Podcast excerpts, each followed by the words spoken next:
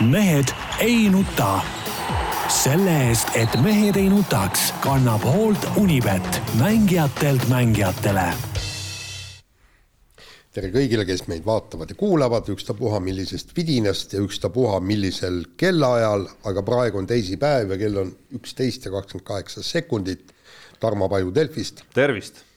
Peep esitlen ise eriskor-, erikorrespondent Delfis, Eesti Päevalehes, Maalehes, kus iganes korvpallitreener Keilast, niisa-, niisama tore sass Vasalemmast. just nii, tervist Jaan Martinson Delfist, Eesti Päevalehest ja igalt poolt mujalt.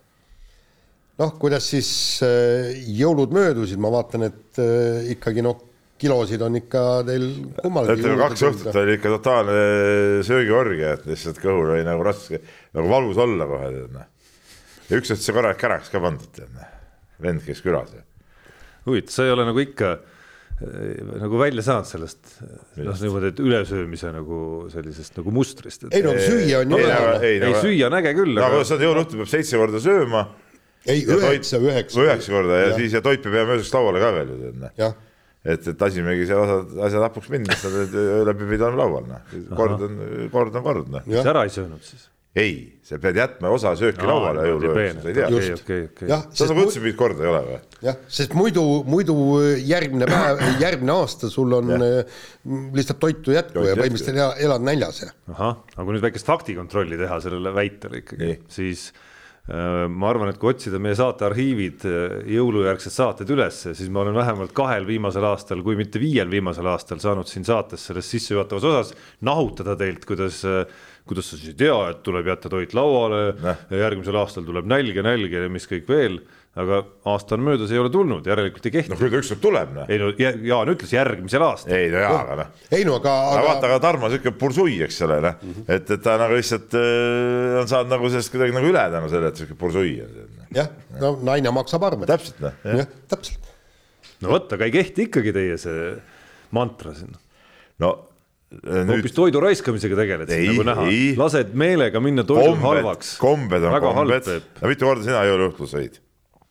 Ma ei tea, algul oli põhitoidukord, siis käisin saunas, siis natuke näkitsesin veel, magus kolm korda. oh, ikka seal on ikka, kõigepealt hakkab pihta, eks ole, külmlaud, siis on sült on ju, siis on seapraad. ei no ega see laua tagant püsti ei tõusnud, see on üks söögikord kõik ei, ei ikka seda käib kõik ikka vahepeal käid ju seal, vahepeal ohoo, tulid kuskilt need kingid on järsku kuuse all. Vaata, ohoo pime, vaata kus ime on ja tead noh, siis seal tegutsed, siis jälle järgmine asi, eks ole, ja nii see käib. noh, no kalamari käib alati ikkagi, ikkagi jõulusöökide juurde. mina olen pursui, ma saan aru jah eh,. mis mõttes et siin mees sööb kalamarja, aga mina olen pursui. sa ei söö kalamarja? ei, ma söön küll, aga antud juhul jõululaual ei olnud. jõululaual sööb alati no ei ole kindel. ei on, absoluutselt. kes meist bursui on ikkagi, ma tahan ei, see teada. bursui näitaja ei ole. ei ole, ma ei tea, ma vaatan kilo hinda kalamarjal, see on ikka ei, väga bursui. käest ma ostan. arvad, et ta annab tasuta? ei anna tasuta, aga no vähemalt see on hea kvaliteetne. jah, aga, aga hind on ikkagi krehvtine, ma arvan, sõltumata siis... sellest, kas sõbralt või mitte ei no selle peale ma ütlen, et, et lihtsalt kasvatage üles lapsed, kes teil äh, iga sügis sünnipäevaks kingivad kilo kalamarja ja siis on. üks kilo, siis on midagi. ei no miks ei saa, kaks inimest oleme meie ja meil on just äh, kalamari on meil nüüd, vaata seapraad. kalamarjaga on see asi, et vaata, kui sa teed selle karbi juba lahti, eks ole noh, sa pead ta ära sööma. ei pea, sügavkülmas. ei no sügavkülmas, no lahti tehtud karpi ma enam sügavkülma ei pane. sügavkülma ostad tavaliselt mitu karpi korraga panen ühe sügavkülma, ja see kalamari palju, mul nüüd kui lusikaga võtta sealt niimoodi ampsti. ja mina olen bursui ei no me ja, ja meil on, meil on nagu nii-öelda jõulusea ja uue aasta ane vahel ongi, tuleb natukene paastuda ja meil on siis pliinid nüüd äh,, homme on meil plaanis pliinid äh, siis äh, sibula ja koorega ja kalamarjaga. ja, ja väga hea, väga hea, väga hea. ja mina olen bursui. no sina oled bursui muidugi meie sööme ei mis kalamari, see on rahvuslik rahvatoit. jah, jäägid, jäägid põhimõtteliselt, eks ole, noh. põhimõtteliselt kalarapped või niimoodi. rupskid põhimõtteliselt. nii on aga ei, tähendab, ütleme niimoodi, et, et jõulupidu oli äge ja, ja eriti ägedaks tegi ta just see, et, et me otsustasime, et, et kinkida, noh, meil oli seal suur seltskond, eks lapsed, lapselapsed ja, ja kellel puud kaasas ja, ja kõik ja et luuletuste lugemise asemel tuleb rääkida üks lugu oma no lapsepõlvest, eks. Ja saime, ütleme niimoodi, lap-, lapselaste ja laste kohta teada nii mõndagi, mida nüüd võis rääkida ja, ja, ja millest meil ei olnud aimugi, igal juhul teinekord olid kul-, kulmud kuklas. Aga, aga see, selles mõttes läks niivõrd ägedaks, et ühel hetkel oli kõigil kama kõik, et kas ta selle loo jutustamisest saab kingi kätte või ei saa aga nii kui keegi paiskas välja, keegi oli seal noh, midagi kuusega või, või, või puu otsa ronimisega seotud ja siis tuli kõikidel samal, samal teemal neid lugusid ja, ja sisuliselt poolteist tundi. Ja, ja, ja mis oli, mis oli äge, mingeid mobiiltelefone tol jõuluõhtul, okei okay,, sa vaatasid, seal oli teatud asju, mida sul oli vaja kontrollida, vaadata, kõik nii. mida sa kontrollida vaja jõuluõhtul? ei, ei, no see, no seal seoses Aa, loo jutustamisega tuleb ja, ja faktoloogia, faktoloogia, jah aga, aga tähendab mobiiltelefonide vaba jõuluõhtu ja kui sa arvestad, eks, et, et sul on ikkagi teismelised seal ja, ja kõik lapsed. see oli kõva, kõva sooritus, müts maha, müts maha ja. aga, aga, aga, aga mida siin üldse jõulude ajaks mobiiltelefonist vaadata on? ei no sa küsi nendelt noortelt. mitte midagi. küsi nendelt ja vaata. tegelikult ju ei olnud ju mõtet isegi, ma siin ja no okei okay,, no me siin vaatame tihedamini ilmselt neid uudiste külgi või ega midagi huvitavat ei tekkinud ka nagu kuidagi või noh, ei olnud midagi lugeda ka, et ma ma lugesin ka ülivähe see, see pühade. ja kui juba lugude meenutamiseks läks, siis endalgi see ei olnud küll paki, paki eest, aga sai ära räägitud lugu. Mul on tunne, et ema ise ka vist ei, ei olnud nagu sellist nagu täispaljastust veel aastate jooksul saanud ikkagi, kuidas üheksakümne teise aasta talvel see Albervilli olümpia ajal see haigestumine Aa, nagu täpselt, täpselt, no ta ei kuula meie saadet, kuidas täpselt see haigestumine siis, siis olümpia eelõhtul aset leidis kraadiklaasi kraadiklaasi vahemik läks, läks ilusti kolmekümne seitsme, kolmekümne kaheksa vahemikku, no sinna lõpupoole pigem ja kuidas siis täpselt kaks nädalat taga või kaks nädalat hiljem olümpia sai läbi, kuidas siis haigus ka nagu üle oli läinud, pluss muud lood, kuidas mm., kuidas kõik lapsed, kusjuures nii andekad ei ole olnud, et on olnud neid, kes on üritanud ka, saime teada, oli, on, on suguvõsaski neid. kes, nagu kes, kes, kes, kes äh, nagu pingutasid üle selle asjaga, ehk et lasid selle palaviku seal lambipirni juures kusagil neljakümne kanti. ja, ja. ja noh, siis see pettus tuleb loomulikult välja suhteliselt lihtsalt, on ju ei, aga ei, ei, see on tava vastu radiaatorit ja sealt tuleb kenasti ära kiirelt. ei, sealt tuleb muidugi. aga kusjuures eh, minu meelest üks, üks kõige geniaalsemaid jõulukinke tehti mu eh, lapselapsele, ühele neist, kes on täiesti lootusetu magaja ja ei saa kunagi üles talle kir-, kingiti kurtidele mõeldud äratuskell, kus on igasugused tuled, viled, sireenid ja valgussähvatused. see on päris geniaalne muidugi, jah. ja surinad ja värinad ja, ja et ühesõnaga, kui, kui mõnele siin lapsevanemal on samasugused põngerjad, kes hommikust üles ei saa, et, et soovitan, et, et niisugused äratuskellad on olemas. kusjuures ma mäletan, kuidas meie, tähendab isegi meil ei olnud meeles, aga mul poeg me meenutas, et kuidas meie ta üles saime, lihtsalt võtsime nahaalselt tal teki pealt ära ja no vaata, Lasnamäel toona, toona elasime, seal liiga soe ka ei olnud ja ja, ja eks sa proovi ilma tekita seal, seal magada ja siis minuti-paari pärast oli, oli kodanik ikkagi üleval, nii et. no nii. nii. Saate teemade kokkusaamisega oli korralik peavalu, saab öelda, marssisime Jaaniga siiapoole, mõtlesime, et tuleb kõigi aegade lühim saade, aga ma olen kindel, et tegelikult ei tule. no vaatame, vaatame, vaatame.. nii, aga paneme siis kohe nüüd äh, algusest edasi.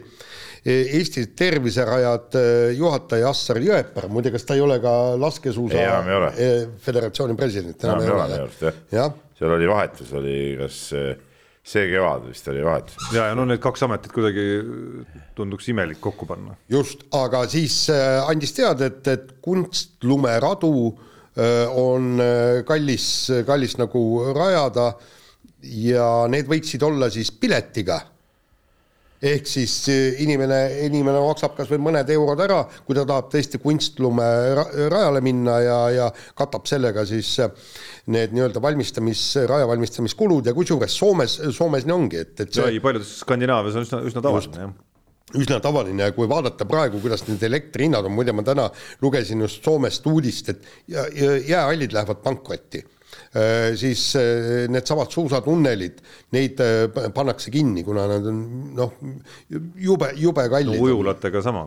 ja ujulatega on sama, et, et, et minu meelest no see paar eurot ära maksta ei tohiks olla. ei poolda seda, ei no, poolda seda ühestki on... otsast, tähendab vabas õhus sportimine, on ta kunstlumel või tavalumel, no see peaks olema ikkagi nagu inimesele tasuta ja selle raha läheb riik oma muude debiilsete kulutuste kõrval, mis siin tehakse, no selle raha peaks riik leidma, et, et neid radasid ülal pidada. täiesti nõus, absoluutselt, aga täpselt nii kaua, kui riik seda ei tee, siis seal on teine aga kord... siis tuleb suruda seda, et riik seda teeks, mitte hakata inimeste käest mingit raha selle peale võtma. jaa, aga, aga praegu ongi alternatiiv on see, et, et tõesti nad teevad nii-öelda äh, Äh, looduslikust lumest teevad need rajad sula peal, on ju, eks see, see ei ole ju see põhi, ei ole sedavõrd tugev, kui on kunstrajast ja, muidugi, kokku no, pressitud. no, ja nüüd sa... ongi, lihtsalt suusarada ei ole no.. no nüüd saabki seda reaalset pilti nagu näha, et siin see talve alguse suur lumetorm ja, ja kogu see loodusliku lumemass, mis peale tuli, noh noh, see oli õnnistus kindlasti kõikidele nendele Eesti suusaradade tegijatele, et tasuta põhimõtteliselt sadas see rajapõhi sulle taevast alla, aga siis, siis vastu kõiki ootusi sulas see noh, suurem osa sellest ikkagi ka väga kiiresti ära. ja nüüd on sula veel tulemas. maapind oli, maapind ju ei külmunud ära korralikult Äh, loodusliku lumega see põhi ei saa nagunii nii kestlik kui, kui kunstlumega ja nüüd, kui see läinud on, noh, nüüd saab siis näha, sula läheb ju edasi ka veel siit, äh, näitab prognoos veel ja, ja pigem siit jaanuarist pika prognoosi järgi niisugust nagu korralikku talve vähemalt hetkeseisuga nagu ei paistagi, et kuidas ja kes suudab seal üldse midagi genereerida veel kunstlumest juurde, et äh, mul on tunne, ma ei tea küll kõiki neid rahandus, rahastusskeeme nendel erinevatel radadel on ju, et kes, kuidas ja et kas need on omavalitsused, mis siis toetavad neid, neid radade pidajaid ilmselgelt ja, enam, enamasti on. Keilase küll see omavalitsuse kanda. jah, ja et kus ja kus ja kui palju siis seda võimu sellel konkreetsel omavalitsusel selle jaoks on, on ju. noh, see ei ole ka ainult äh, suusaradade teema, et noh, sealsamas Raasiku vallas on ka hokiväljak näiteks on ju, et noh, mis äh, sellise kliimaga ei püsi sul seal ilma selle külmutuseta, aga, aga noh, see külmutus ilmselgelt praeguste elektrihindade juures ei ole kõige odavam lõbu just, eks siin jõulude ajaks küll, küll pandi see alla ja, ja vähemalt nädalavahetusel oli see jää seal olemas, on ju, aga kui, mängimas ka? kauaks ei käinud mängimas. oli tervis natuke kehva siin pühade ajal. Äh, aga muidu oleks ka suusatama läinud ikkagi, et see ma suusa, see suusakirg on, suusakirg on nagu valdav, on ju, et, et noh, neid näiteid on nagunii erinevad, ega Eestis on ka radu, kus, kus sul on, ütleme siis võimalik maksta ikkagi, seesama Kõrvemaa keskus näiteks, mis on ju väga suur keskus Äh, sinna, kui sa tahad sinna põhiparklasse minna ja pärast kasutada veel sauna ja kõike seda. ei no saun, see on nagu teine asi, ma räägin no, praegu sammas sõitmisest. aga sinna on võimalik ka minna nii, et sa pargid oma auto siis äh, paarsada meetrit kuskile eemale ja lähed siis nagu nii-öelda noh, iseseisvalt siis sinna rajale kuskile, et noh, on kohti, kus see noh, vähemalt mingi alge on juba olemas, on ju aga noh, Keilas, Keilas sellist infrat seal ju juures ei ole, on ju, et hakatakse ehitama sinna seda äh, staadioni majakest nii-öelda ka ja kus tulevad pesuruumid ja asjad, aga aga ei, ei, ma seda kindlasti ei poolda ja no ma ei tea, enne tuleb siin ikka tegeleda sellega, et et see elektrihindade totrus nagu korda saaks, see on põhjendamatu on kogu see asi. ei no noh, terviserajad seda nüüd ära ei lahenda. ei, terviserajad seda ei lahenda, ma räägin nagu tervise, et see teema konkreetselt on praegu nüüd selles, kuidas, kuidas siis terviserajad peaksid hakkama saama, et kas suusarajad on meil või ei ole, et kuidagimoodi tuleb see ju nagu lahendada. ja, ja seda enam, et tegelikult need vallad ja omavalitsused hakkavad ju ükshaaval pankrotigi minema, me oleme nüüd uudistest lugenud, et, et kus kohas seal kas kuskil Kalepil või Tõrvad või noh, ühesõnaga ja, ja kõik räägivad, et neil on ju häda ja neil on igasugune probleem, noh no, võta kas või see, eks, et et riik kenasti tõstab õpetajate palka, aga lasteaiakasvatajate palk vaadaku vald ise, kuidas, kuidas kergitatud saab, on ju, ja sinna läheb, igale poole läheb ja, ja tõesti, ma kujutan ette, et need omavalitsused, kui me ei mõtle nagu Rae valda või mingeid suuremaid et neil on niikuinii nuga kõril, tead, ja, ja iga penn säästu on, on seda väärt ja ausalt öeldes noh, sealt nad tõmbavadki nii-öelda stepsli välja kunst, kunstlume pealt. et noh, selles mõttes ma ütleks, et eh, noh, ma ütlen enda jaoks kasvõi ma arvan, et teie jaoks ka, kes te siin kalamarja lusikaga sisse ajate, noh, oleks okei okay,, iga korra eest, kui te seal ütleme kunstlume rajal käite, ma ei tea, kasvõi paar või kolm või viis eurot maksta, on ju. Samas, mis on nagu, mis, mis ei tohi kannatada, on see, et, et siis need, kes, kelle jaoks see ei ole okei okay,, et need, need siis kuidagi rajalt nagu eemale jäävad, on ju. et ma ei tea, alustuseks kasvõi võiks olla selline nagu vabatahtlik võimalus panustada sellesse tõesti, kus no,, kus raja, kus, kus, kus on nagu keeruline selle raja ehitamisega toime tulla. et kui sul on valida, kas see rada on või ei ole ma oleks valmis selle panuse andma küll. ja, ja teine asi, lastele kindlasti peaks olema tasuta, see on noh, nagu raudpolt. Nii, aga vahetame teemat, äh, räägime põrinatest, räägime autorallist, ei ole küll ühte kandvat katusteemat meil siin, aga aga kui mingist valdkonnast siin nädala jooksul uudiseid on omajagu olnud, siis on see autoralli. alustame võib-olla Äh, ühest artiklist, mille. vaata vahele, vaata vahele, ühtki päris uudist ei ole muidugi olnud. ja no kohe vaatame, palju seal päris on ja palju ei ole, seal üks on eriti naljakas päris uudis, ütleme niimoodi selles komplektis, aga äh, alustame võib-olla ühest. Äh, no Peep, sa tahaks öelda, ma arvan ikkagi nagu päris loost ehk siis, ehk siis Peebu kirjutatud artikkel sellest, mis toimub Eesti rallis Ott Tänaku selja taga. kes on need andekamad noored rallisõitjad, kes pead on tõstmas ja noh, ma ootaks ikkagi nüüd ühte nime, kes on järgmine Ott Tänak. mis seis meil seal paistab? mina näen äh, Robert Virveses küll suurt potentsiaali, kas ta nüüd järgmine Ott Tänak on, seda on nagu raske ütelda, aga, aga potentsiaali tõusta, äh, tõusta ralli tippseltskonda ma näen temas küll. tehase tiimisõitjaks. no aga miks mitte? ta juunior maailmameister. Pole, pole mingi, mingi kukasupimees ju jah, ja, ja teine asi on, noh, tegelikult äh, ääretult palju sõltub sellest, et kui palju ja kui kaua tema ees need äh, praegused äh, tehasesõitjad püsivad, eks. no tegelikult sõltub palju sellest ka, et, et, et või noh, ongi nagu, mis, mis on positiivne märk, ongi see, et et ta saab ikkagi teha Tänaku ja Märtiniga koostööd ja, ja kui need, need mehed on teda ka nagu märganud ja, ja noh, Tänak aitas teda eelmine hooaeg juba Tänak nagu niisama mingeid vendi aitama ei hakka, eks ole, et, et see on, see on, see on nagu selles suhtes väga oluline, noh, et see, et see kogu see info ja, ja need õpetussõnad sealt juurde tulevad. Ja põhimõtteliselt seal on ju selles mõttes, et, et kui saaks kuidagigi ree peale ja, ja see ree peale ikkagi, tähendab, me räägime ikkagi sõitjatest, kes on võimelised võitma äh, MM-etappe. see, kõik need Greensmithid, Lubeed ja, ja, ja Formood, nad on toredad poisid ja, ja kõik, eks, aga võta või seesama Katsuta tuleb teinekord poodiumile kõik, aga ta ei ole see mees, kes võidaks etappe. ei no aga... ja, ja, Jaan, aga me peame, vaata Virves puhul me peame järk-järgult edasi, eks ole. nüüd tal tuleb esimene aasta nagu WRC kahes, kus ta saab sõita no vähemalt kuus rallit pluss veel mõned väiksemad võib-olla ka. no ütleme Eh, noh, esimene aasta nüüd loota, et ta WRC kahe etappe seal kohe võitma hakkab, arvestades, mis ei. konkurents. WRC kaks on muutunud üli, ülikõvaks, eks ole. no seda on nagu palju tahta. Küll aga ta peab nagu see aasta kindlasti näitama, et tal on see kiirus olemas, ta suudab nende oma klassi parematega ikkagi võidu sõita. ja siis, siis sealt edasi minema, et temal ütleme, ei ole, ei tohi nagu üle forsseerida ja neid ootusi nagu liiga kõrgeks ajada.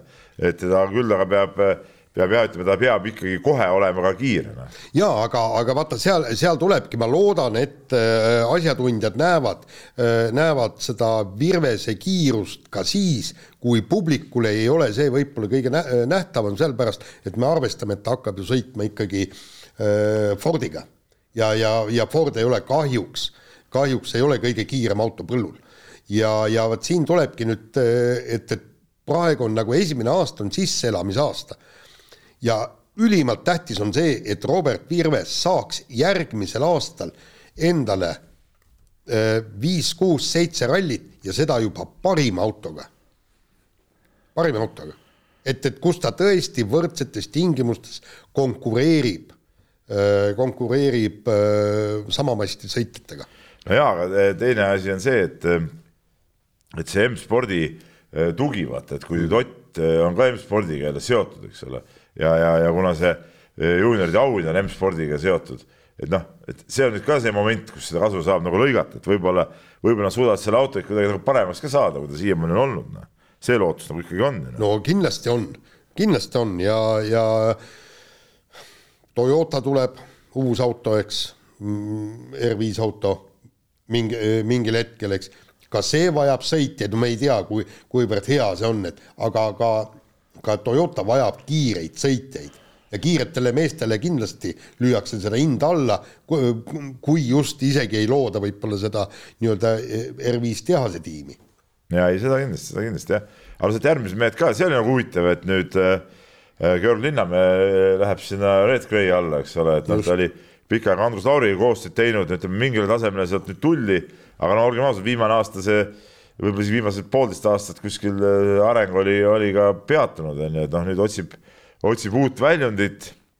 noh, vaatab nüüd, kuidas, eks see on kahepoolselt eh, kasulik diil, et, et Linnamäega koos liiguvadki teatud rahad, see aitab Red Gray tiimi kindlasti ka üleval hoida ja, ja arendada ja, ja samas ütleme, noh, ta sai ka siin koos Märtini ja, ja Tänakuga seda testi teha, et, et noh, võib-olla sealt ka midagi läheb, läheb edasi, et kuigi ütleme niisugust hüpet nüüd nagu, mida võis nagu noh, oleks tahtnud võib-olla näha eelmine hooaeg, seda nagu ei tulnud et ma arvan, see on tema jaoks nagu võtmeaasta, et kui, kui nüüd ka ei tule, siis on juba sihuke suhteliselt küsitav, et, et mis, mis ja kuidas see tulema hakkab.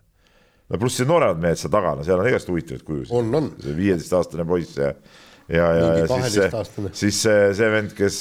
Romet Jürgenson. kes äh, selle Rally Stari äh, ära võitis, eks ole, saab seal nüüd mingi süsteemiga äh, kuus rallit, väiksemat rallit ja sealt valitakse mingid mehed välja, kes saavad siis järgmine hooaeg juunior WRC sarja sõitma, et, et noh, ütleme siukseid väljundeid ja, ja võimalusi siin ikka nagu tekib ikkagi Eesti poistel ka, et noh.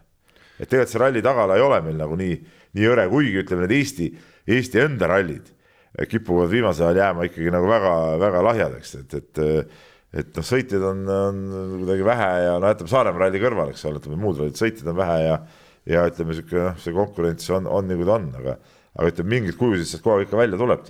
ja aga, aga probleem ongi see, et, et, et, et kõik need vennad, kes sõidavad MM-sarjas kaasa, eks ükstapuha mis autoga, selge see, et, et nad ei, ei kuluta raha Eesti rallide peale. ei no see on selge, noh selge kuigi hea meelega, ma arvan, et kõik vennad sõidaksid hea meelega Eesti rallisid. no see ongi praegu oli valida, et enne Rootsi talverallit noh, ütleme siin eh, eh, Virves ja Linnamäe ja, ja ka Egon Kaur ja noh, ütleme kuskil on vaja üks ralli teha, aga noh, paremini sobib selleks, seal Norras on üks ralli, mille tingimused vastavad eh, rohkem selle Rootsi ralli tingimustele ja, ja praegu kõik mehed sihivad siia Norra minekut hoopis, noh, mitte siin Otepääl ju ka on talveralli kavas, no kuigi ma ei tea, kas see sulaga siin nüüd lõpuks toimub või ei toimu, aga aga, aga, aga ütleme jah, sihuke kava oli, aga kõik plaanivad ikka sinna Norra minna hoopis nii, aga WRC rindelt ka väikeseid tähelepanekuid, kui palju siin on päris uudist ja kui palju mitte päris uudist, eks aeg peab näitama, Esa-Pekka Lappi proovis Hyundai ralliauto ära ja ka ei saanud aru mis, mis häda selle autoga nüüd olema peaks, et sõitis ja väga hästi sujus kõik. ja aga selle, selle peale või kes see oli, kes see ekspert ütles, see oli isegi vist kas tänases artiklis või kuskil, ütles, et noh, see, mis tunne sul on, see ei maksa mitte midagi. tähtis on see, et, et sa tuled selle autoga MM-rallile ja näitad, kas sul on see kiirus olemas no jaa, või ei, ei ole. ei no, noh, see kõik on tore, aga mingi tunnetus sõitjatel ikkagi on, et, et kui nad äh, teevad neid testisõite, siis saavad ikka aru ka, kas see auto on kiire või ei ole kiire no.. see ei ole päris nii, et et sa sõidad ja sul mingit aimu ei ole no.. ei no kindlasti. No, kas, kas ta sobib eriti, sulle või ei sobi? eriti nii kogenud mehel nagu Lappil, noh loomulikult ei, tal, tekib see tunnetus, et kas see autoga saab kiiresti sõita või ei saa. Noh. no ja, ja aga. ja kas auto käitub nii, nagu ta tahab, selles on ka küsimus. no kõik on õige, aga, aga nagu oligi, eks, et Ott Tänaku puhul kord oli kiirust, kord ei olnud kiirust, eks. no ütleme läbiv joon oli ikkagi oli see, et auto ei käitunud nii, nagu ta, nagu ta oleks tahtnud, no see tuleb ka sõitjate stiilidest ja sellest, mida nad tahavad autot saada, noh, ütleme võib-olla siis Lappile sobib, aga me ei tea, eks me näeme. et isegi kui ta oli kiire, siis, siis suht nagu nii-öelda oli see nagu hirmusegune kiirus, mida ta seal koges seal roolis. ehk siis, ehk siis tunne oli, et ta sõidab nagu kiiremini, kui peaks. jah uh,. M-spordi insener Jamie McMillan on uh,, on öelnud, et, et enne kui Ott Tänak sõlmis M-spordiga lepingu jõudis ta siis natukene ka Fordi katsuda ja oli väga positiivselt meelestatud omakorda Fordi osas. no no tundub loogiline iseenesest, et, et äh, vaevalt ta oleks selle lepingu teinud, kui ta, kui see auto oleks talle nagu prügimulje jätnud. Ja ei, seda kindlasti. Ja, ja jällegi, eks me, me ei tea midagi. Ja mis, mis oli muide huvitav, oli see, et, et siin käis, käis ähm, jutt, et, et, et enne jõule Ott Tänak äh, M-spordi Fordi ei testi, et, et noh, seal räägiti, et noh, et jõulud ja kõik need on oluline, kindlasti on see oluline, aga, aga nagu me vaatasime sellest videost, seal autos tuleb Oti järgi ikka kõvasti kohendusi teha.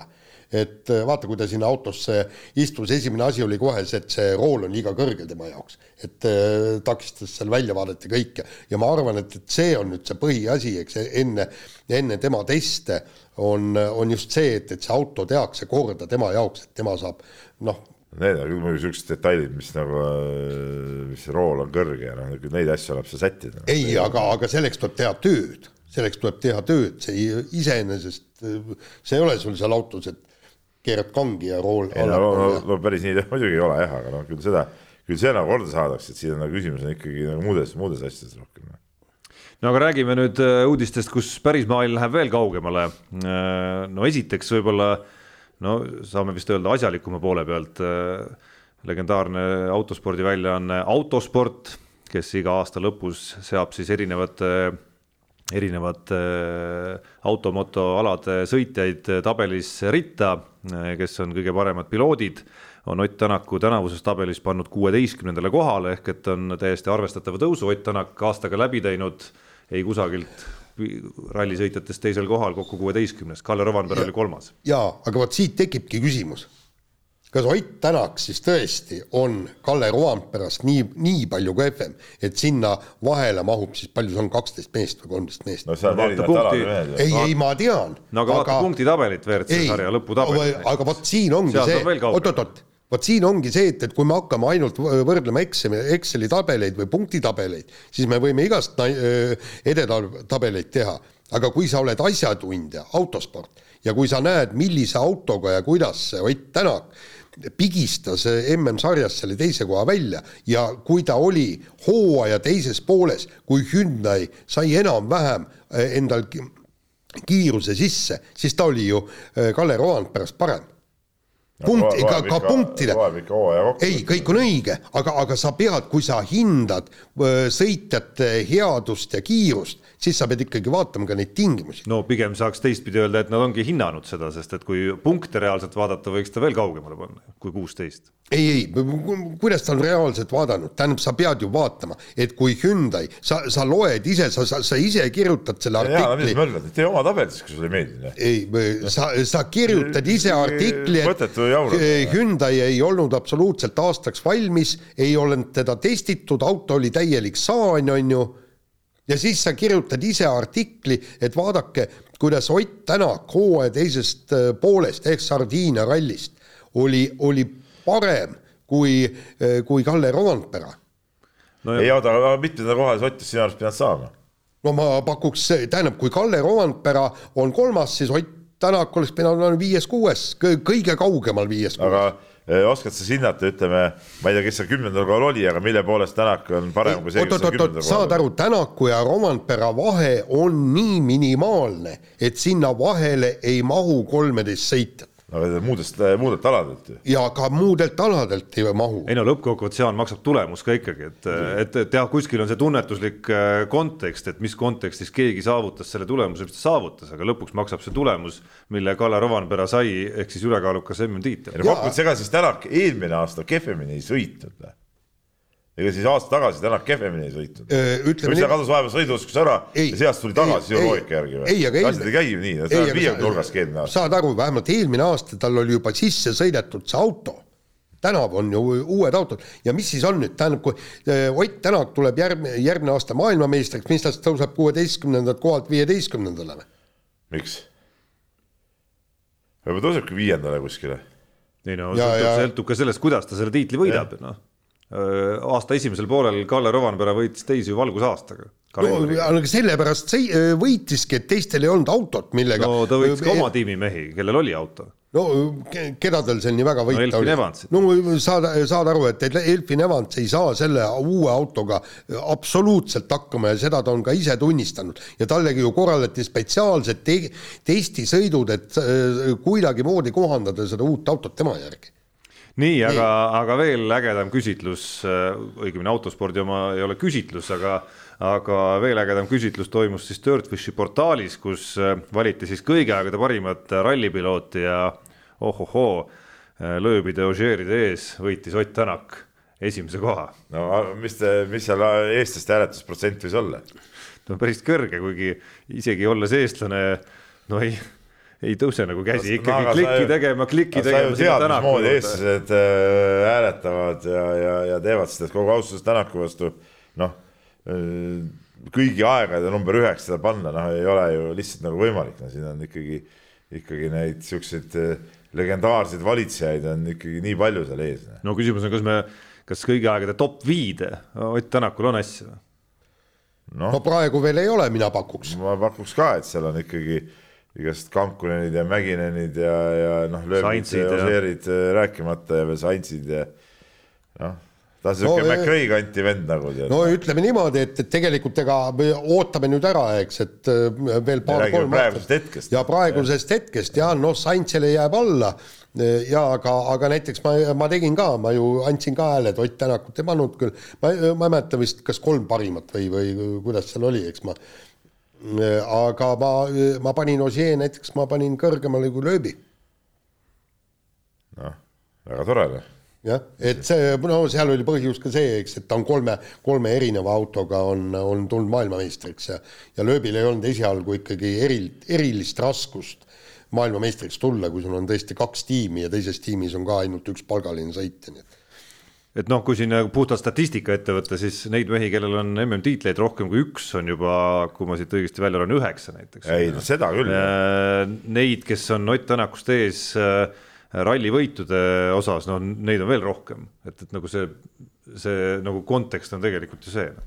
ja aga, aga, aga seal ongi tegelikult noh, mis ma iseenda jaoks nagu mõtlesin, et, et, et tõesti, kui Ott Tänak võidaks nüüd sel aastal selle MM-tiitli, siis ta tõuseks tegelikult selles edetabelis äh, oluliselt kõrgemale, vähemalt minu silmis, nii et.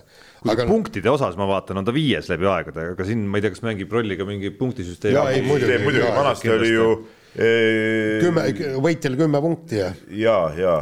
ja teine koht kuus ja kuus, neli, kolm, kaks, üks, kuus. jah, niimoodi. et noh, ses suhtes see, see on suhteliselt noh, totakas tabel, mida, mida vaadata, et kui poodiumeid ja rallivõite vaadata, siis esikümnes ma ei näe teda. ja see on nagu adekvaatsem natuke jah, nii on jah.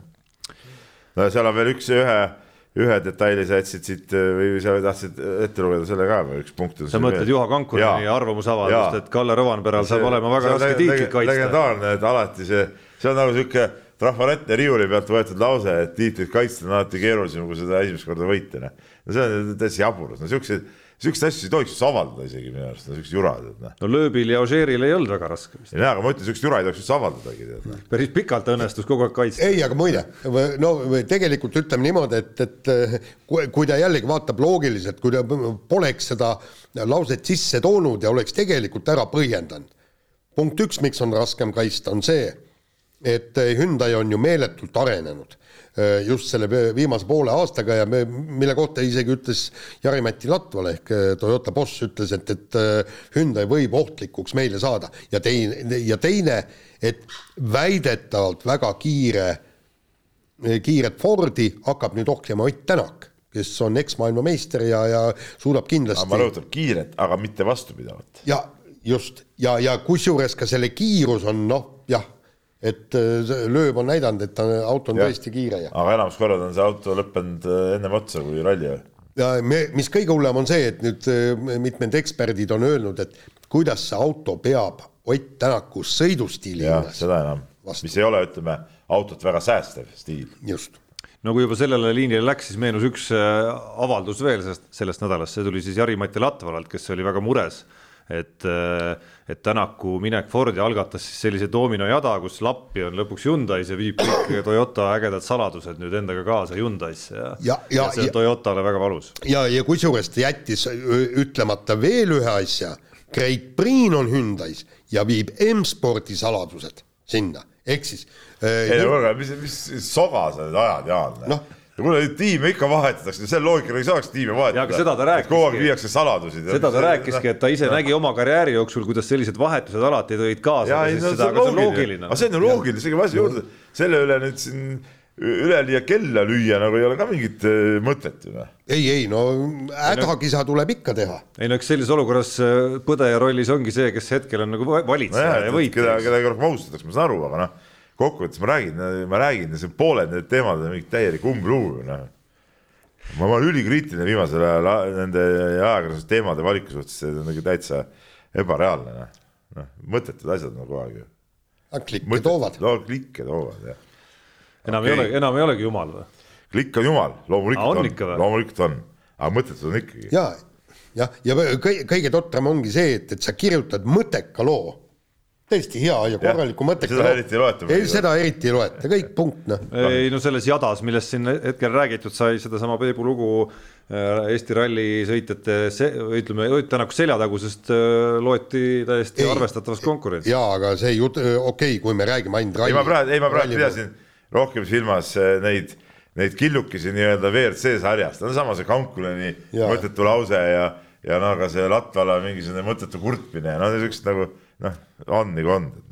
nii, aga lähme nüüd või tahtsid veel midagi ütelda? Lähme teema, uue teema juurde. põrinatest on liiga palju räägitud. ja, ja, ja lähme jalgpalli juurde, millest ka viimase võib-olla kuu jooksul liiga palju räägitud, aga, aga nii ta on ja FIFA siis nagu Ott Järvela äh, ütles sitapeast president äh, Gianni Infantino on saanud Katari MM-ist ja sellega teenitud kuue koma kahest miljonist eurost, miljardist, miljardist, vabandust jah, eurost innustust Eh, ning soovib iga nelja aasta tagant korraldada kolmekümne kahe klubi osavõtul klubide MM-i ning jalgpalli MM-i panna toimuma iga kolme aasta tagant. ma ütlen, Infantino tuleks panna vaimuhaiglasse, minu arust ta on napakas tegelikult. ja ütleme, see devalveeritakse, jälle hakatakse devalveerima neid võistlusi. põhimõtteliselt siis iga aasta on ju, on ju mingi asi jälle. Noh. no, ei no kõik selleks, et pumbata miljardeid välja veel ja veel ja veel ja veel ja veel ja ja anda veel võimalusi rohkem, et kuskilt sealt liigub võib-olla siia ja sinna midagi. oota, aga no... kui oota, kas see, kui on iga neljanda aasta tagant on klubide mm, iga kolme aasta tagant jalka mm, siis mingi hetk aastate jooksul on ju kokku. ja, ja kui üks on suvel, noh nagu traditsiooniline MM-i toimumise aeg on suvi ikkagi, see üks oli praegu erand et kui nad just uuesti Katarile ei taha anda seda, mis võib ka vabalt juhtuda, aga noh, klubide MM-i saab väga hästi hakata Saudidele ja, ja, ei, ja Katarile, no, Katarile anda tulevikus. et see, et see klubide MM, see oleks siis nagu sügisene.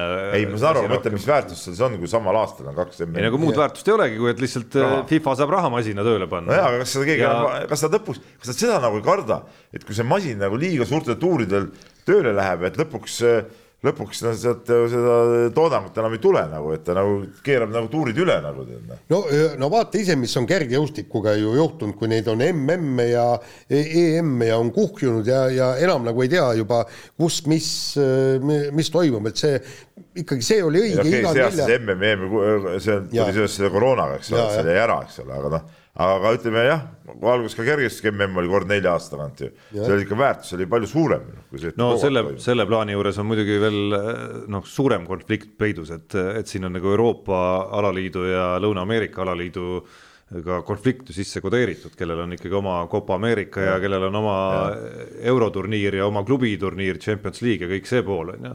et siia on sisse kodeeritud juba nagu päris korralik sõjaplaan tegelikult kogu kogu, kogu jalgpallimaailma, ma loodan, et see, et seda ei juhtu lõpuks. ei, aga äh, ütleme, need ladinaameeriklased, neil, neil nagu suurt vahet ei, ei ole. Nendel pidi olema suur vahe küll, aga aafriklastel ja, ja Aasial ja, ja muul mm. osal. Copa Ameerika oli ka ülitähtis asi seal ju. ei, ei see, seda nüüd kindlasti. mõtle, kui sama aasta peale satuvad mingid asjad. Noh. aga, aga just ju Infantinol on kade meel, et Euroopa alaliit korjab kokku rohkem miljardeid kui, kui maailma. ma ei tea, kas siis, ma nagu sellest ei saa nagu aru, et kas ühel hetkel siis nagu sellest nagu ahnusest nagu küllalt nagu ei saa.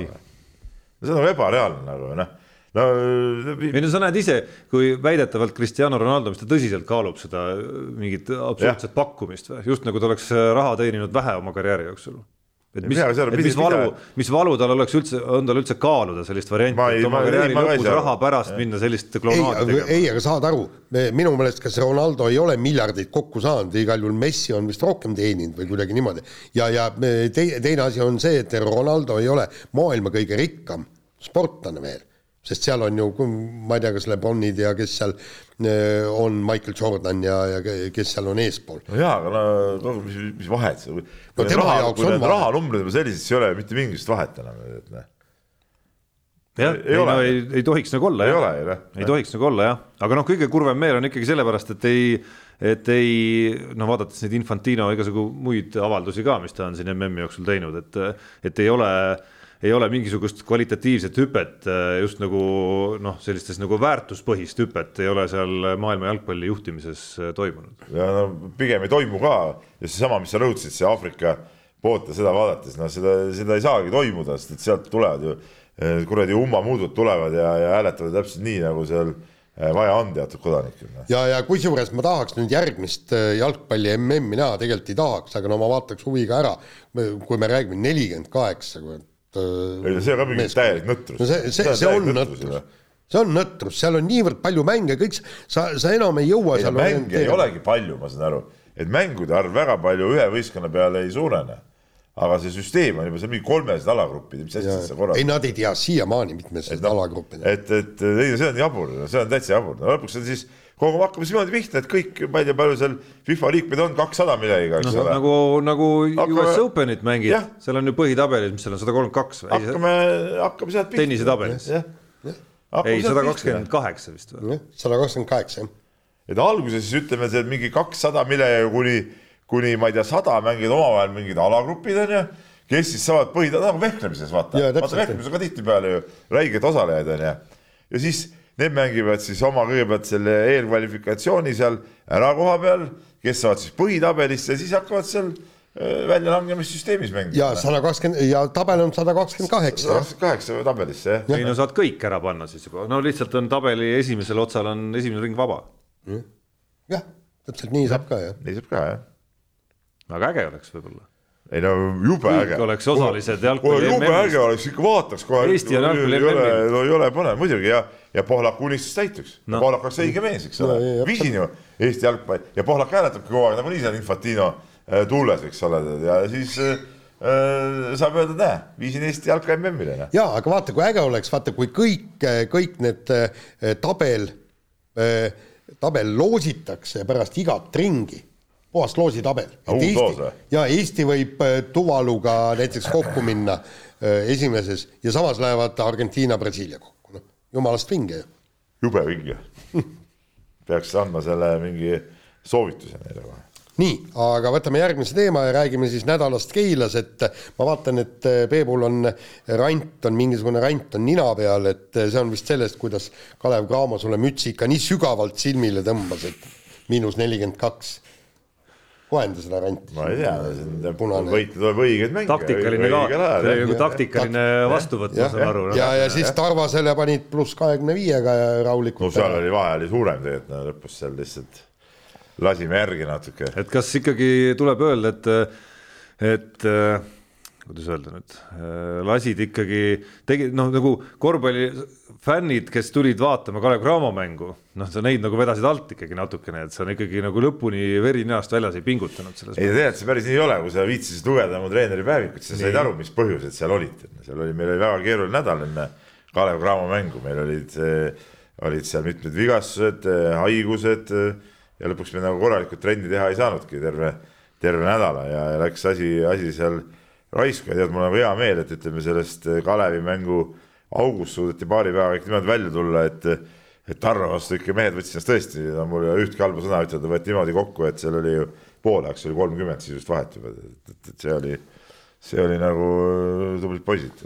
ja aga ütle, Peep, kui keeruline on mängida neid mänge, kus on sul, sul nii-öelda must win, et sa pead väga, väga keeruline, väga keeruline, just eile, eile abitreeneriga ka enne trenni algust natuke veel meenutasime ja arutasime, et, et tuli välja, et ikka me ikka mõlemad olime reedel enne mängu üsna, üsna nagu pinges või närvis nagu, et, et kas. ma ütlen, nagu selget pilti nagu ei olnud, et noh, trenni põhjal oli ka nagu nii ja naa, et, et on natuke sellest äh, august välja tuldud ja no samas nagu tundus, et ei ole ka ja noh, sihuke nii ja naa oli, aga aga, aga tegelikult ikkagi jah, oli okei okay.. no seda, see oli tõesti sihuke mäng, kus nagu noh, mida kaotada nagu ei tohtinud nagu mitte ühestki otsast aga noh, see on natuke sobiv hetk äh, vaadata võib-olla ja Keila on hea võistkond, sõltumata Peebust äh, siin laua taga on hea võistkond, kellest lähtuvalt natuke minna selle äh, koduse korvpallihooaja esimese ütleme, vool vist ei ole veel läbi tegelikult. pool no,, ütleme... meil saab täpselt pooled mängud saavad läbi kolmekümnendal, kui me mängime. okei no siis oleme ikkagi nagu üsna läbi. poole peal põhiturniiridega ka, eks ehk et sellele seisule seal ja, ja olukorrale, kus, kus Peep ja Keila on Eesti klubidest mitte lihtsalt kuuendal kohal, vaid, vaid vaatame tabelit ja päris kindlalt kuuendal kohal. et, et ma kahtlustan, et kui sa alustasid hooaega selle plaaniga, et ütleme, kõige olulisem eesmärk on vältida, ütleme noh, esiteks saada play-off'i Eestis ja, ja mitte ainult saada play-off'i, vaid vähemalt seitsmendana play-off'i, et vältida ka Kalev Cramot, siis hetkel sa seisad kuuendal kohal ja väga raske on sõltumata sellest, et Peep istub siin üle laua, mitte nimetada Keilat üheks nagu positiivsemaks äh, tegijaks siin äh, koduse poolaasta jooksul? no ütleme, on läinud suht okeilt jah, et ei saa, ei saa väga nuriseda.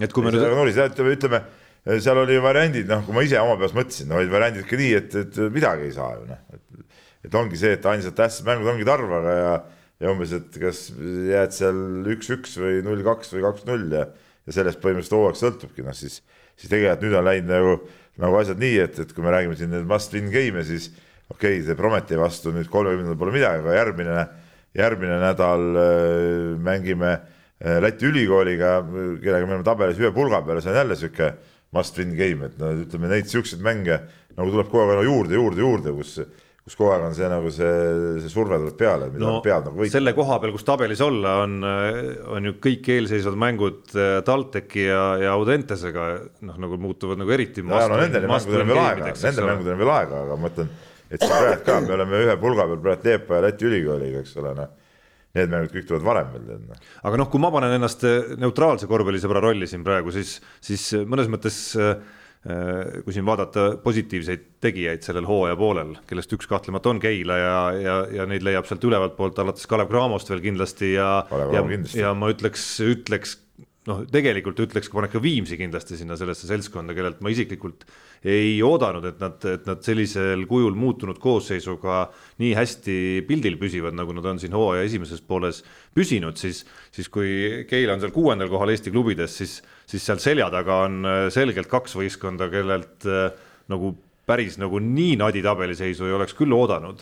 Ja, ja siin tuleb nagu kontrastina minu arust välja, eriti, eriti Kalev Audentese puhul tuleb ikkagi seesama komplekteerimise teema välja, et kuidas üks sats, noh, Peepu tuleb kiita, on komplekteeritud selles mõttes loogiliselt, et, et ma näen, kuidas see kooslus omavahel sulandub kokku, see oli omavahelises mängus neil hiljuti, oli eriti hästi, oli see kontrast nagu näha, kuidas see üks kooslus sulandub nagu kokku üheks meeskonnaks, üheks tervikuks.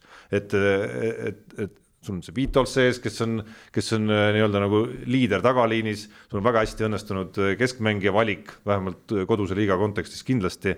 ja, ja siis need oma poisid, kes seal kõrval on, pluss veel mõned kogenumad Eesti mehed seal, Kaido Saks näiteks need oma poisid, kes on seal kõrval, äh, kes on ikkagi nagu esiliiga tipukarastusega eelmistest hooaegadest ja eelmisest hooajast konkreetsemalt, et nad sulanduvad mingiks tervikuks nagu kokku. Ja kui ma vaatan seda Kalev Audentes seal kõrval näiteks, siis ma ütlen ausalt, jube keeruline kooslus äh, ja natukene nagu segane, miks see päris niimoodi kokku on pandud, kus sul on nagu kolm Äh, sellist nagu täiesti erinevas leeris või tüüpi äh, mängijaid. ühed on siis need noored, Rauno Pehka enda õpilased, kelle varasem kogemus ei ole isegi mitte äh, esiliigas ega ka mitte teises liigas, vaid rahvaliigas põhimõtteliselt, Eesti noorte meistrivõistlustelt. siis on sellised Eesti korüfeed seal, kangurid ja sokud ja veidemannid, kes on siis nagu teises äärmuses, mehed, kes on mänginud üle saja mängu Eesti koondises ja EM-finaalturniiridel ja kangur isegi Euroliigas ja päris palju ka veel Euroliigas ja siis on veel selline, et nagu Eesti amatöörid, kellest hiljuti tuli juurde veel Joonas Järvelainen, noh,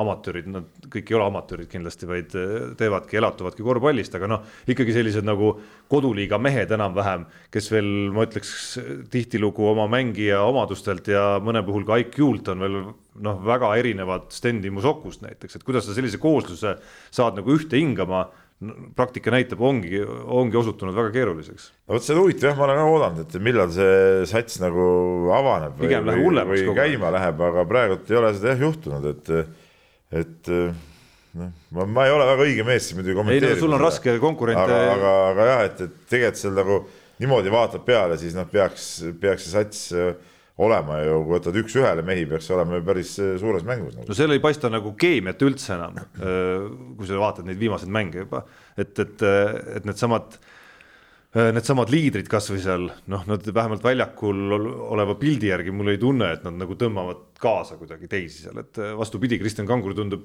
hoolimata oma kõrgest nii-öelda nagu veteranmängija vanusest kuidagi noh, pigem nagu närvilisem kui siin mõnelgi varasemal hooajal no aga võib-olla seal on vaja mingit väikest asja, et see kõik paika loksuks, noh, ja, ja, ja pool hooaega on veel ees, et noh, tegelikult, tegelikult ma nagu seda Tallinna Kalevit nagu selles suhtes päris maha ei kannaks, et seal nagu noh, seda potentsiaali ja sisu, sisu on nagu, on nagu küll, mille pealt võiks nagu tulema hakata.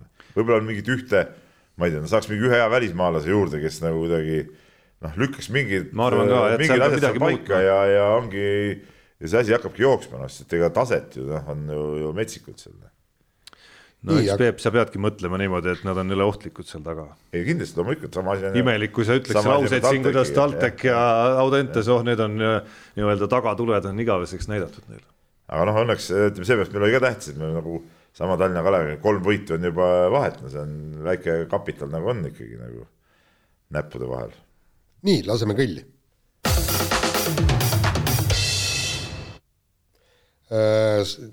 traditsiooniline jõulu, spordikuulsuste jõuluturniir toimus eile. vaatasid põnevusega, ma usun. ja kindlasti, eks, ja Hann-Hendrik Piho ja Saskia Alusalu võitsid selle ära, ehk siis meie ekssportlased. ja kusjuures Piho suutis siis äh, alistada vehklemises Nikolai Novosjolovi. kes vehkles oma vale käega, aga ikkagi tundub päris ootamatu no, no jaa, aga eh, ma ei tea, ma tunnistan ausalt, mul pole õrna aimu, mitmed orkenid seda mehed üldse. no isegi see ei ole tähtis, ma mõtlen nagu, ei, ei, see ei olnud ühe torkeni, see ei olnud ühe torkeni, et see oli ikka nagu. ühe torki võid juhuslikult ju noh, eh, saad ära teha. ei, ma lugesin, et eh, isegi Novosjolov esimese torki oli just ise teinud, et see ikkagi oli pikem matš kui ainult üks torge seal. ja aga täna ma siis kuulsin inimestelt, kes seda tõesti vaatasid ja seal oli tegelikult väga palju niisugune noh, huvitavaid asju, näiteks üks oli see et põhimõtteliselt meie viieteistaastane ujuja Ene-Liiv Jefimov oli siis õllekasti hoidmises, milles mina olen teatavasti tšempion. et oli põhimõtteliselt pannud, vaata seal hoidsid niimoodi, et mehed alustasid ja siis, kui nad ära väsisid või vastupidi, naised alustasid ja siis anti mehele, mehele edasi, kui ära väsisid. oli muidugi kõigile naistele ära pannud ja, ja kuna meeste aega ei võetud, siis vähemalt arvati, et, et pooltele meestele pani ka ära nojah, hullu ja on ju, ongi tugev no,, tugev õlavöö ja absoluutselt, teine asi, rippumine ka, et see no põhimõtteliselt olekski võinud jääda sinna rippuma, eks. Jefimov või? Jefimov jaa, et, et, et seal on ikka füüsiliselt on ta ikka ülitugev. no seal tuleb na-, noh, naistel üks eelis muidugi mängu, eks, et nad on kergemad no ujujad ju nii hullkerged ei ole tegelikult. ja, ja Jefimov on ikka pikkust ka nii, et, et äh, liiga kerged nad ei ole, eks. aga, aga ja te, teine, mis muide tõstatati küsimus, et, miks Saskia Alusalu või vabandust, Katrina Lehis seal võistles. et ta oli ikkagi jooksnud longates ja tal on ikka ristad sidemest on äh, paranemine veel ja, ja noh, kas oli õi, õige te mäletate? Sedasama võistlus, üks aasta me käisime ka seal, osalesime mm -hmm. nii-öelda tiimide arvestuses ja siis oli ju see krossimees Gert Kristinov, kellel ei olnud ju mingi lõikus ja, ja seda siis võistluse ajal ju rebenes tal see õmbluse lahti, mäletad?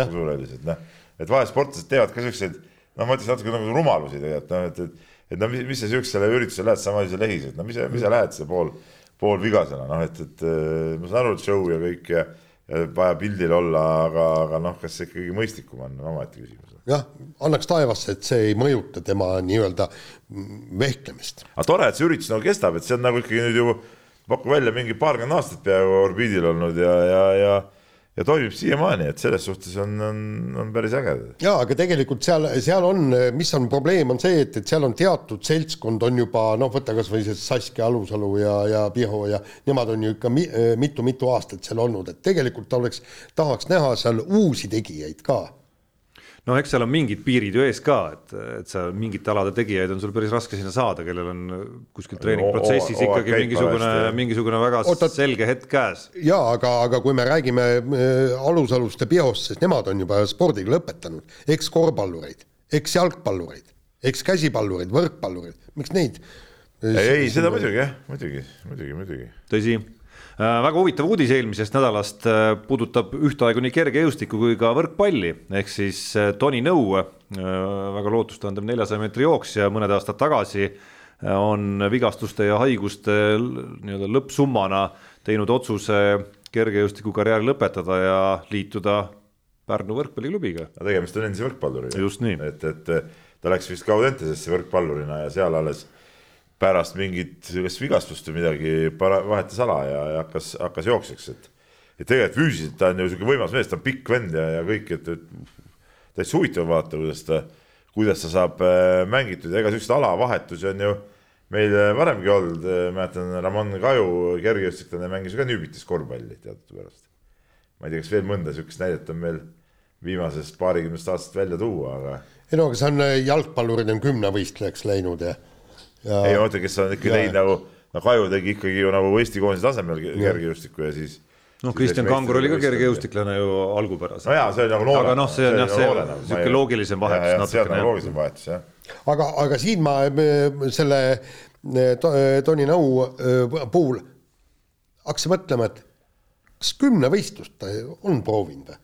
Kui, kui ta suudab so joosta neljasadat, kui ta on võrkpalluri hüppe. miks ta ei suuda neljasadat joosta, nüüd ongi vigastus. ja ei, ei. ja mitte ainult vigastus, vaid ma sain aru, et äh, koroona jättis ikkagi ka sellise jälje, et, äh, et see on nagu tema füüsist mõjutanud. ja ei, ma, ma saan aru, aga, aga äh, just see, et, et miks ta valis neli, nelisada, aga, aga kui ta on füüsiliselt, kui ta suudab joosta neljasadat, tähendab mingisugune kiiruslik vastupidavus tal on, kui ta on võrkpalluri hüpe, hüppealad kõik, eks. ei no mis selle loogika järgi, sa peaks Rasmus Mägid suuremal kümpi tegema, sest et ta on teadupärast no jookseb ju hästi neljasadat. hüppab hästi. ja hüppab ka üle seitsme meetri kaugust, eks ole, või seitse viiskümmend. ja, aga kuidas tal heitealad on, vot see on küsimus. no jaa, aga no kuidas nõul heitealad on. no vot jaa, aga suur mees sealt äkki tuleb. see päris nii ei, ei, ei, ei ole muidugi. ei no kindlasti ei ole, aga no. kõik peavad ka kümnevõistlusi tegema, et see kindlasti nii ei ole, aga. ei no tema potentsiaal sellel konkreetsel neljasaja meetri jooksus, noh, oli ju ikkagi nagu üsna ilmne, kui sa mõtled, mis vanuses ta jooksis siin juba neljakümne kuue algusesse, noh ja, ja no ta oli ju mingi juunioride võistlusel neljas, ma ei mäleta, kas see mingi juunioride EM oli või, või MM, ma täpselt ei mäletagi enam, aga.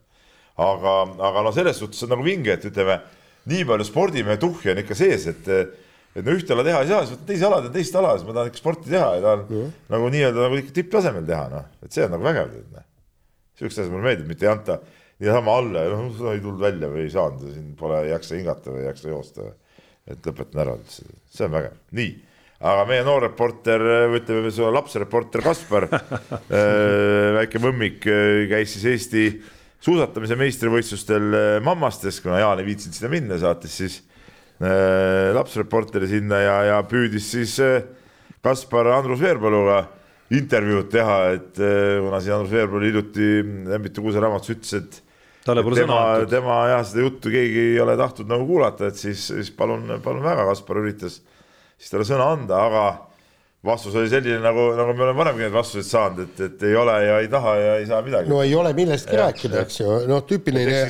ehk siis, tõde tuli taas päevavalgele, noh, midagi pole ütelda. ja, ja kusjuures ju Mati Alaver saadi ka kätte Tartus Lembitu Kuuse raamatu äh, üritusel ja, ja ka tema ei olnud äh, nõus asjast rääkima, et ja kusjuures jällegi paralleeli tõmmates.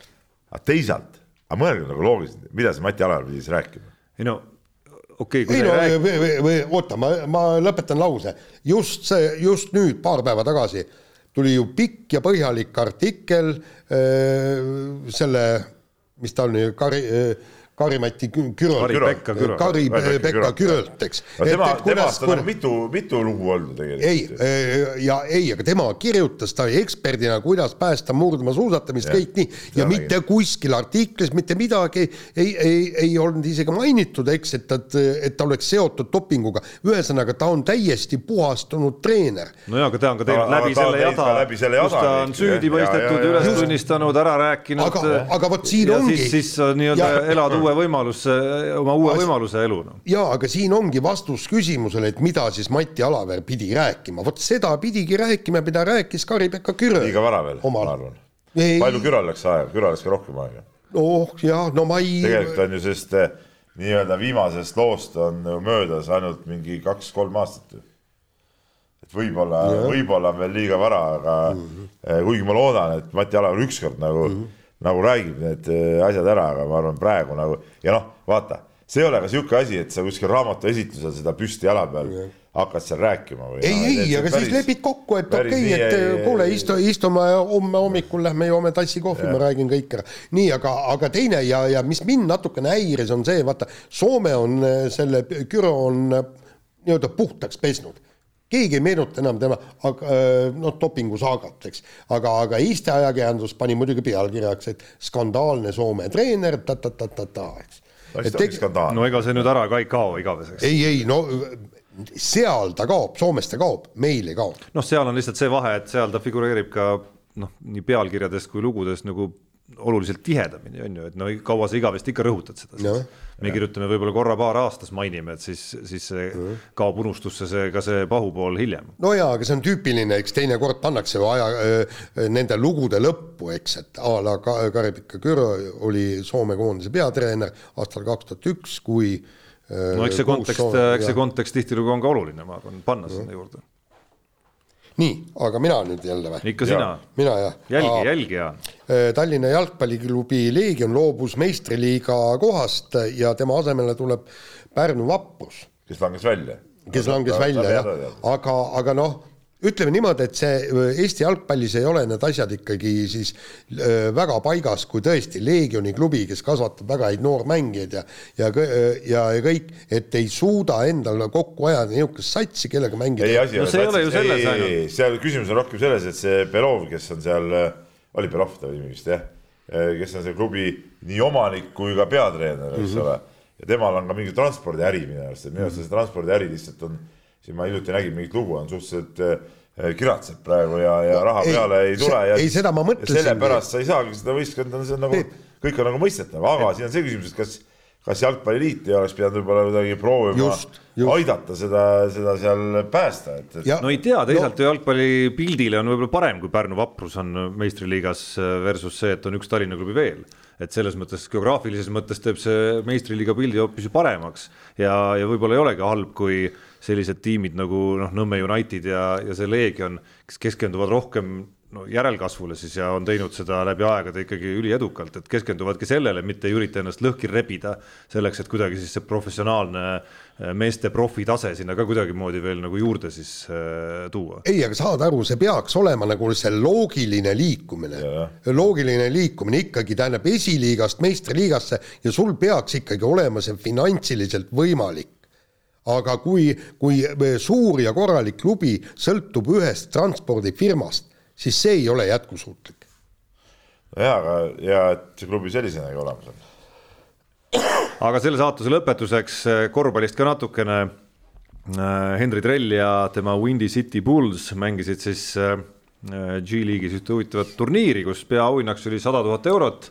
selline väike play-off süsteemis turniir seal toimus ja finaal siis viimase sekundi viskega põhimõtteliselt äh, seal tuli kaotus vastu võtta ja, ja see väikene rahaline preemia jäi siis sündimata. tahaksid ka Peep sellist ei, turniiri Keilale? tähendab, see G-liig meenutab mulle üha rohkem seda üliõpilassarja, kus mängitakse mingeid, mingeid arusaamatuid turniire või, või ma ei, ma ei saa nagu üldse aru, mis mis, mis kurat, mis, mis turniir see üldse ei no see on, hooaeg on kaheks, tähendab, mängisid ühe osa ära, nüüd hakkab põhiturniir alles pihta. kummal?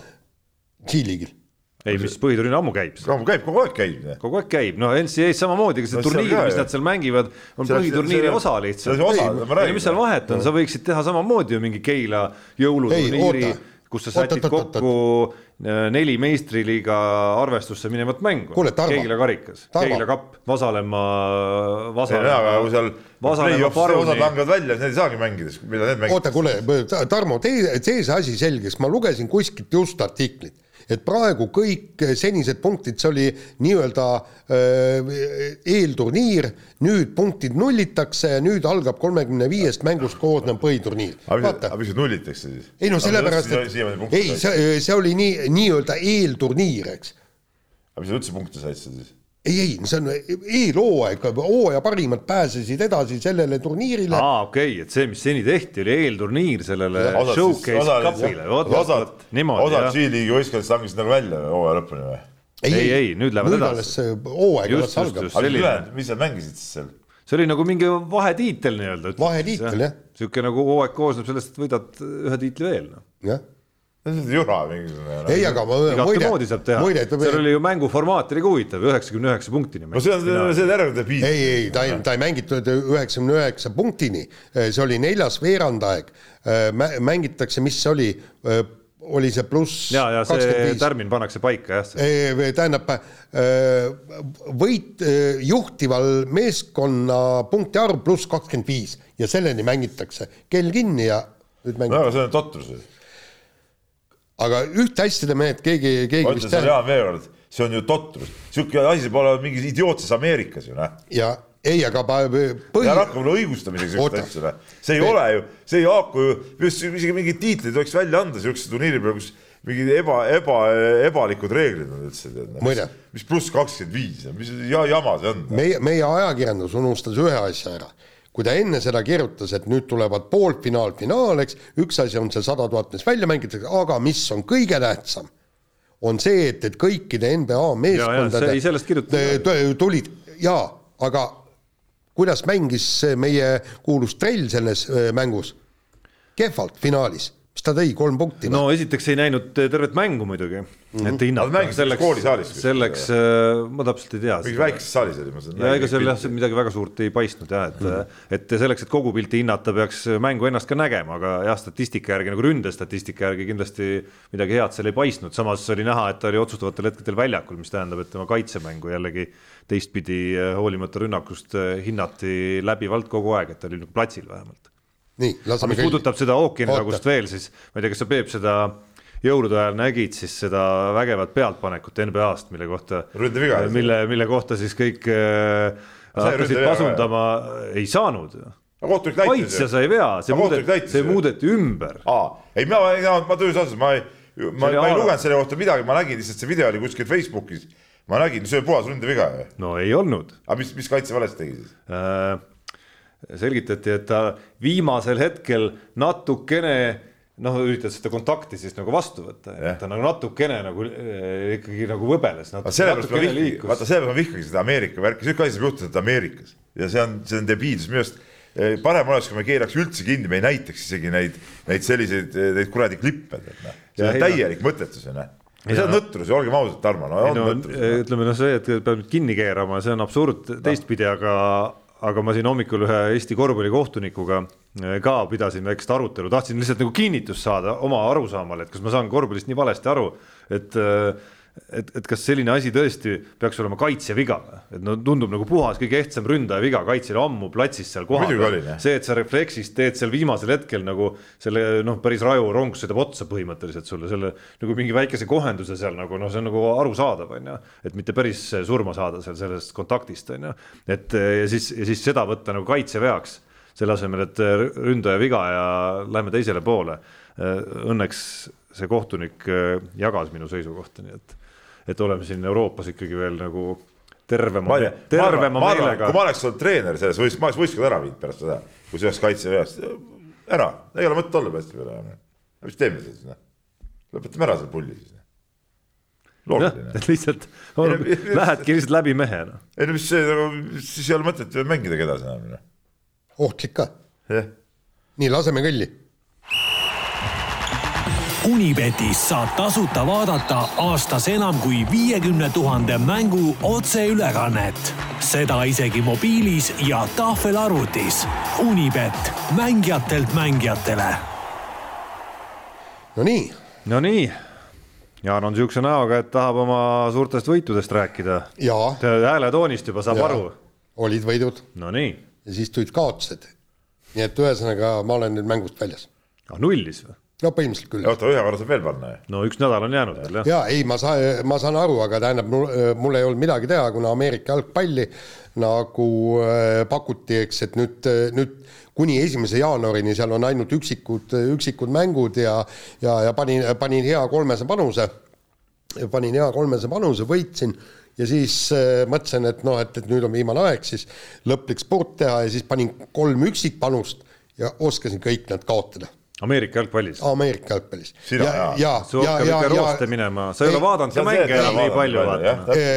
ja, ja muide, selle taga ongi ja, ja kusjuures see kõige viimane, viimane see noh, see viimane panus, mis mind nulli viis, oli, oli, ma läksin tead, noh, lasin ennast ära petta, ühesõnaga laipanus õhtul mä-, öösel mängisid, tähendab, seal oli esimese veerandaja järgi võistkond tähendab, nad, nad olid enam-vähem võrdsed võistkonnad.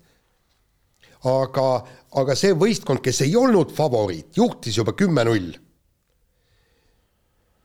ja mõtlesin, et no pagan, nad ei värista seda ära, et noh, et kümme-null on ees, enam-vähem võrdsed võistkonnad, kuigi, kuigi koefitsiendid olid teisel võistkonnal paremad. no ma mõtlesin, no sa oled kümme-null ees ja kõik. ja siis muidugi hommikul vaatan, neli minutit lõpuni, kenasti juhtisid veel kümne punktiga, siis tuli touchdown, siis tuli löögivärav, see oleks vähemalt lisaaja andnud. Ja mingi paarkümmend sekundit enne mängu lõppu, loomulikult see teine võistkond võitis. Ja, ja, ja kõik läkski nii, nagu tegelikult oleks ma seda asja natukene rohkem kaalunud, vaadanud kõik, ma oleks just teistpidi pannud ja ja oleks sealt äh, hästi kena kopika võtnud. aga miks sa ei vaata enam, Jaan, häbi. Ah??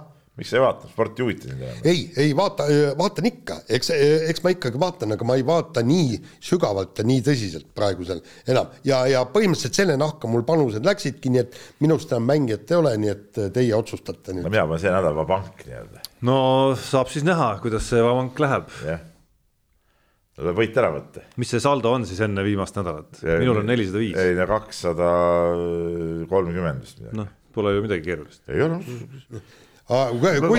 kusjuures, kusjuures siis. kahene koef ja. jah, korras. ja, ja siis, kui ma selle lätaka sain ja asjad nulli mängisin, tead, niisugune hingerahu saabus, jumal tänatud, ei pea enam, enam ei pea tõmblema, tead.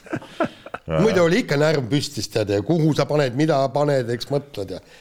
Nonii, no vaatame siis, mis nädal toob, räägime kirjadest. nii, siin on üks pikem kiri Tamm Tammilt tulnud mis puudutab siis Otepää MK-etappi kahevõistluses, mis tuleval nädalal toimub, Jaan, lähed kohale? jaa, lähen ikka. ja, ja, ja, ja siin on, puudutab ka Eesti kahevõistlust ja kiri on siis, kiri on päris pikk, ma siin võtan natuke välja, et ta toob siis selle välja, et stardis on Kristjan Ilves, et ja, ja toob välja ka, et viimati jõudis teistest Eesti sportlasest punktidele MK-etapil siis kolmekümne parema hulka Karl-August Tiirma, see on siis veebruaris kaks tuhat kaheksateist. tänavu sügisel rääkis Rauno Loit äh, ERR-ile, et Eesti kahevõistlused võib seekord starti jõuda veel lisaks äh, Kristjan Ilvesele, et kontinentaalsarja punktide kaudu üritavad seda kindlasti Anne-Mari Pendi, Markus Kägu, Andreas Ilves ja Robert Lee, nii. Rugal siis toimus kuulus kontinentaalvõistlus detsembris ja kõige parem tulemus oli eestlasel kolmekümne kolmas koht kolmekümne viie võistleja hulgas. ehk siis punktidel nagu ei saadud, eks ole. et, ähm, et äh, sellele nagu ei tohiks äh, siis piisata Otepää MK-etapil startimiseks. Äh, nüüd, nüüd ongi siis tulevad küsimused, et kuidas toimub Eesti kahevõistluse rahvusvahelise esinduse ettevalmistus peale Kristjan Ilvese, et kas on mingid treenerid, treeninggrupid ja kui tihti treenitakse ja millised on suusaline plaanid seoses kahevõistlusega no nagu ma saan aru, ei ole, ei ole piisavalt talenti, nad treenivad küll, neil on ju seal äh, Otepää, see Audentes Otepää filiaalis seal treenivad, eks neil on omad isiklikud treenerid, kõik töö käib selle nimel, aga noh, võta kas või selle äh, Kristjan Ilvese vend, eks proovis, proovis, punnis, punnis, nüüd oota, minu arust ta käib koolis nagu. nüüd käib koolis jah, aga, aga saad aru, sealt ei tulnud midagi, noh. aga kas ta siiamaani treenib või midagi tehakse või? Ei no. või on Eesti suusatamine on siis rahuldunud äh, sellega, Rauno Loit äh, on rahuldunud siis sellega Eesti kahevõistluses, et, et äh, meil mingit muud koondist polegi enam, et on. Ilves seal Norras ja, ja muud polegi tarvis. see on ka nagu vale lähenemine. ei, see on, ei, see on üdine vale lähenemine, aga mida sa teed, me peame kuskilt ju. no võta see noored ja hakka neid siis tegema no,. on olemas noored, aga needsamad, võta seesama Ilvese vend tegi ju noorena, tegi sama tõsist tööd nagu na,, nagu vend, neil oli ju tiim Ilves, panid samasugust trenni kõik nii, ühel tuleb, teisel ei tule, noh. Ju siis tähendab, et ei ole talenti, võta siis seesama suusahüpped ka, meil Saksamaal on üks, üks Eesti poiss, kes nüüd praegu on, sealt võib-olla võib midagi tulla. aga, aga, aga kui vennad ei lenda, mis teha, võta seesama laskesuusatamine meil on ju laskesuusatamist ka, noortetöö ja kõik käib, aga kus need siis, kus on need siis äh, sportlased, kes tuleks ja, ja lükkaks ära kõik need tobrelutsude, lessingute äh, tulemused äh, ümber lööks. MK-etapil poodiumile tuleks ja esikümnesse selleks, Eveli Saue tulemused. me oleme ju, tööd on tehtud aastaid-aastaid nüüd hakkab. vale, valed tööd on tehtud, et noh. ei no üks asi on vale töö, teine asi on nagu Jaan ütleb, noh tegelikult on see ju üsna lihtsasti, paljudel juhtudel me ei tea neid näitajaid lihtsalt, on see ju nagu lihtsate mõõtmistega kindlaks tehtav, kas sul on üldse potentsiaal olemas maailma tippu sellel mm., sellel vastupidavusalal saada või mitte, et sa võid ei, mingitel juhtudel, ma arvan, et meie kõik kolm võime siin, oleks võinud viieaastasest saadik treenida ükskõik kui palju aga nii-öelda nagu looduslikud eeldused ilmselt kellelgi ei olnud sellised, et olla maailma tippsuusataja. jah, see Krist-, Kristjan Ilvese vend, eks, suusatas küll venna tasemel, vaata, et teinekord oli isegi parem, ei lennanud, suure kondiga mees, vaatad, noh sealt, sealt oota, aga mis, mis on siis lahendus, Jaan, sinu arust? ei, aga la, lahendust lahendust ei olegi või? tuleb tööd edasi teha. tuleb tööd edasi no, kus teha. kellega tehakse, kus tehakse? noortega, meil on noortegrupid ja sealt peab tulema ja sealt andekad võetakse Audentesesse. Robert ja... Leed ja Andreas Ilvesed ja need siis saatame tootule tööle või?